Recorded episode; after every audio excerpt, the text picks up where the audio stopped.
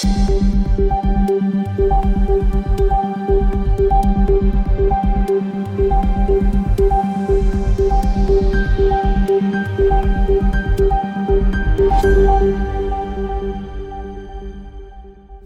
tilbake til Krimnytt, en podkast for deg som ønsker å følge med på aktuelle true crime-saker. I dag skal vi begynne med en litt mystisk forsvinning i USA. Chelsea Grim, en 32 år gammel kvinne fra San Diego, ble sist sett den 28. september i Williams, Arizona. Chelsea var på vei til et bryllup der hun hadde beslutta å kjøre på tvers av USA istedenfor å ta fly. Dette var fordi hun hadde anskaffa seg et nytt kjæledyr. Da øgla som kalles en bearded dragon ikke kunne fly, så pakka Chelsea bilen og fortalte venner og familie at hun ville møte dem i Connecticut. Chelsea kjørte fra hjemstedet i San Diego og tok med seg telt og sovepose i bilen. Ifølge Chelsea sin far så var det ikke typisk for datteren å dra på campingtur. Men Chelsea sa også at hun kom til å ta et par overnattinger på hotell. Underveis holder Chelsea kontakten med foreldrene, helt til 27. september. Da forteller hun mora at hun mest sannsynlig ikke vil rekke bryllupet i tide, og sier også at hun trolig ikke ville ha mye dekning. Når hun sjekker inn på et hotell i Arizona, så blir hun fanga opp av et kamera. I innsjekken sier hun at hun vil bruke euro, og sier også at hun vil være off the grid. Altså slik at ingen kan finne ut hvor hun er. I Arizona møter Chelsea ei venninne, og 28. september ringer noen politiet da en kvinne blir observert i en bil nær en kirkegård. Da politimannen går opp til Chelsea i bilen, forteller hun at hun har holdt på med et fotoprosjekt om savnede soldater i USA. Politimannen ser at hun gråter, og at hun sier at hun har blitt svært opprørt over dette prosjektet. Hun innrømmer å ha røykt marihuana tidligere på dagen, og i samtale med politimannen kommer hun frem til at hun vil sove i bilen på et lastebilstopp lenger borte i veien. Dette er siste dagen visakortet og telefonen hennes blir brukt. 30. september så har Chelsea en kort samtale med en tommerhugger i Ashfork. Han reagerer ikke noe på oppførselen til Chelsea, men dette er siste gang Chelsea blir sett. 5. oktober ble bilen til Chelsea funnet parkert med to punkterte dekk. Dette også i Ash Fork. Og det eneste som lå igjen i bilen av verdi, var kameraet hennes. Chelsea har altså tatt med seg campingutstyr, lommebok, kredittkort, telefon og kjæledyret. Foreldrene blir nå veldig bekymra og melder Chelsea savna til politiet. Siden telefonen og visakortet ikke har blitt benytta, så er det vanskelig å spore Chelsea. Dette kan helt klart være et tilfelle av en kvinne som ikke ønsker å bli funnet men venner rapporterer om merkelig oppførsel før Chelsea forsvant. Hun har vært veldig fokusert på bibelvers som var publisert på sosiale medier, og venner sier også at hun var veldig redd for mannen hun data på tidspunktet rundt forsvinningen. Denne saken inneholder mange elementer som gjør det til en mystisk forsvinning, som f.eks. bruken av euro på hotellet og punkterte dekk. Derfor har denne saken fått mye oppmerksomhet, spesielt i sosiale medier, og Krimnytt kommer til å følge utviklingen i saken. 5. desember i år 2023 så ble Jonny Vassbakk frikjent for drapet på Birgitte Tengs av Gulating lagmannsrett. Fem av syv dommere, inkludert to fagdommere, mente at han ikke kunne dømmes for drapet på Birgitte Tengs, som ble drept i mai i 1995. I desember i fjor, i 2022, så ble samme mannen enstemmig dømt av tingretten til 17 år i fengsel for drapet på Birgitte. I tillegg så ble han dømt til å betale en erstatning på 600 000 kroner til hver av Birgittes foreldre. I motsetning til tingretten mente lagmannsretten at politiet hadde hatt for mye fokus på DNA-beviset, og for lite fokus på å utelukke tiltalte. Retten mente at man ikke kunne utelukke at den tiltaltes DNA som ble funnet på Birgittes strømpebukse, kunne ha kommet der i forkant, enten via en haiketur eller via en bowlingkule. Retten utelukka derimot at DNA fra Vassbakk kunne ha kommet der i etterkant av drapet via kontaminering eller forurensing. I tillegg mente retten at de hårstråene som var funnet på Birgitte, som ikke tilhørte verken tiltalte eller Birgitte selv, og som ikke er blitt identifisert, var med på å gjøre det vanskelig å heve utover enhver tvil at tiltalte var drapsmannen. Hårene det er snakk om, er to hårstrå funnet inni Birgittes høyre hånd, hvor obdusentene den gang mente at disse hårene må ha kommet dit under drapet. Det ble i tillegg funnet et hårstrå på utsiden av Birgittes venstre hånd, og dette hårstrået inneholder i tillegg noen av de samme markørene som den omtalte rusmisbrukeren. Disse markørene har også millioner av andre europeere. Rusmisbrukeren matcha ikke med noen av de andre hårstråene som ble funnet. Faktisk stammer alle disse hårene fra ulike personer, og ingen av dem matcher med Birgitte eller nå frikjente Jonny Vassbakk. Det ble også funnet et hårstrå i Birgitte sin truse. Dette håret ga et blandingsresultat som kan være Birgitte og en annen ukjent person. Disse ovennevnte hårene var i lys farge og hadde en lengde på 4-8 cm. Det ble også funnet et hårstrå på underlaget trusen ble undersøkt på, et 4 cm langt mørkt hår. Håret er ikke identifisert, og retten ser heller ikke bort fra at dette er kontaminering. Det ble funnet et hår på hetta på Birgitte sin jakke og et på halskjedet hennes.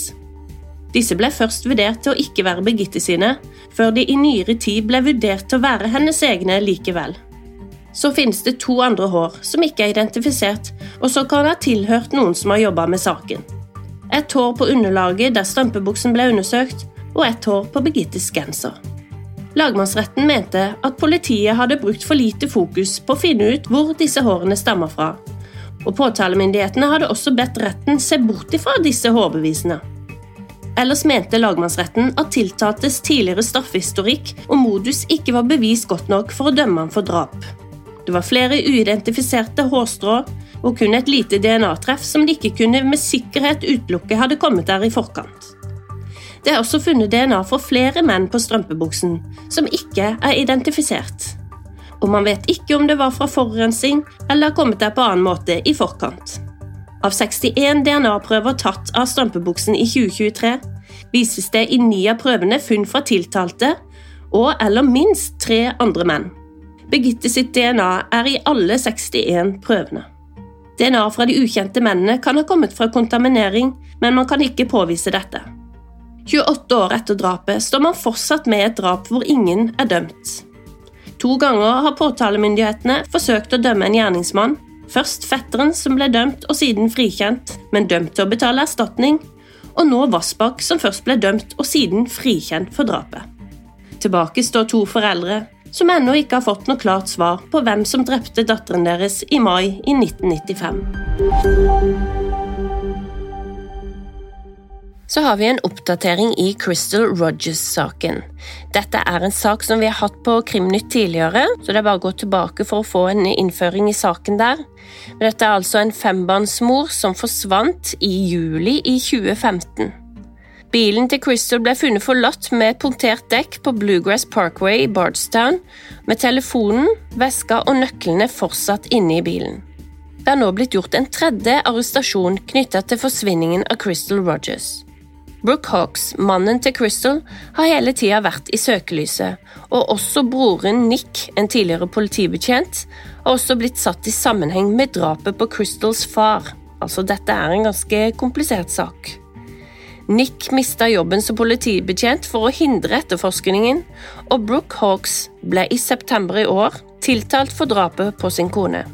En mann ved navn Joseph Lawson ble også tiltalt tidligere i år for anklager om sammensvergelse for å begå drap og manipulering av fysiske bevis.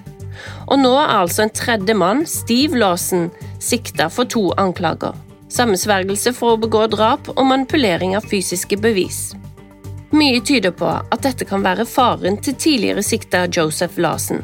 Om du hører episoden vi hadde på Krimnytt, så kan du høre om en telefonsamtale som Brooks hadde da han angivelig skal ha kjørt hjem fra sine foreldre sammen med Crystal kvelden der hun forsvant. Ryktet sier også at Larsen skal ha inngått en avtale der han kan gi svar på hvor Crystal er. Dette har ennå ikke blitt bekreftet når denne episoden skrives, men det har ifølge denne arrestasjonen blitt foretatt flere søk. Vi vil komme med flere oppdateringer når mer informasjon forekommer. Dere husker sikkert Gabby Potito-saken.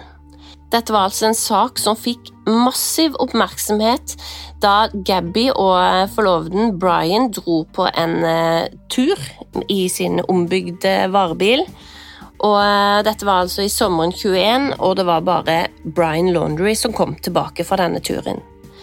Gabby ble meldt savna av familien sin i september 2021, og ble sist sett i august. Og det som var spesielt, var at Brian Laundry han kom da hjem i Gabby sin varebil og eh, dro hjem til sine foreldre, som da absolutt ikke snakka med verken media, politi eller hjalp til med søket etter Gabby Petito. Gabby ble dessverre funnet død 19.9. i 2021. Og Senere så ble også levningene av Brian Laundry funnet da han skal ha avslutta sitt eget liv. Dekning av hele saken finner du som sagt på Krimprat med Lise og Fiona. Foreldrene til Gabby Petito har saksøkt foreldrene til Brian Laundry. Nettopp fordi de mener de hadde viktig informasjon som de ikke ga til foreldrene til Gabby i søket som kunne rett og slett ha hjulpet dem å finne ut hvor Gabby var. Foreldrene har som sagt ikke snakka, og eh, på den tida så blokkerte mammaen til eh, Brian Laundry, Roberta, alle innkomne samtaler fra foreldrene til Gabby Petito. Nå har det kommet frem at Brian Laundry skal ha ringt foreldrene mens han fremdeles var i Wyoming. Han skal ha sagt til sin far at Gabby is gone. Han skal også ha bedt om en advokat. Dette er altså kommet frem i forbindelse med rettssaken, den sivile rettssaken, og det er jo sjokkerende å vite om at foreldrene til Brian Laundry kan ha visst på et tidlig tidspunkt om at Brian har drept Gabby, og at de har da beskytta han fremfor å hjelpe foreldrene til Gabby Petito å finne dattera si. Det blir spennende å se hvordan dette søksmålet ender. Det var alt vi hadde i denne episoden av Krimnytt. Vi er tilbake til neste uke, og i mellomtida så kan du kose deg med lengre episoder i Krimprat med Lise og Fiona. Vi høres.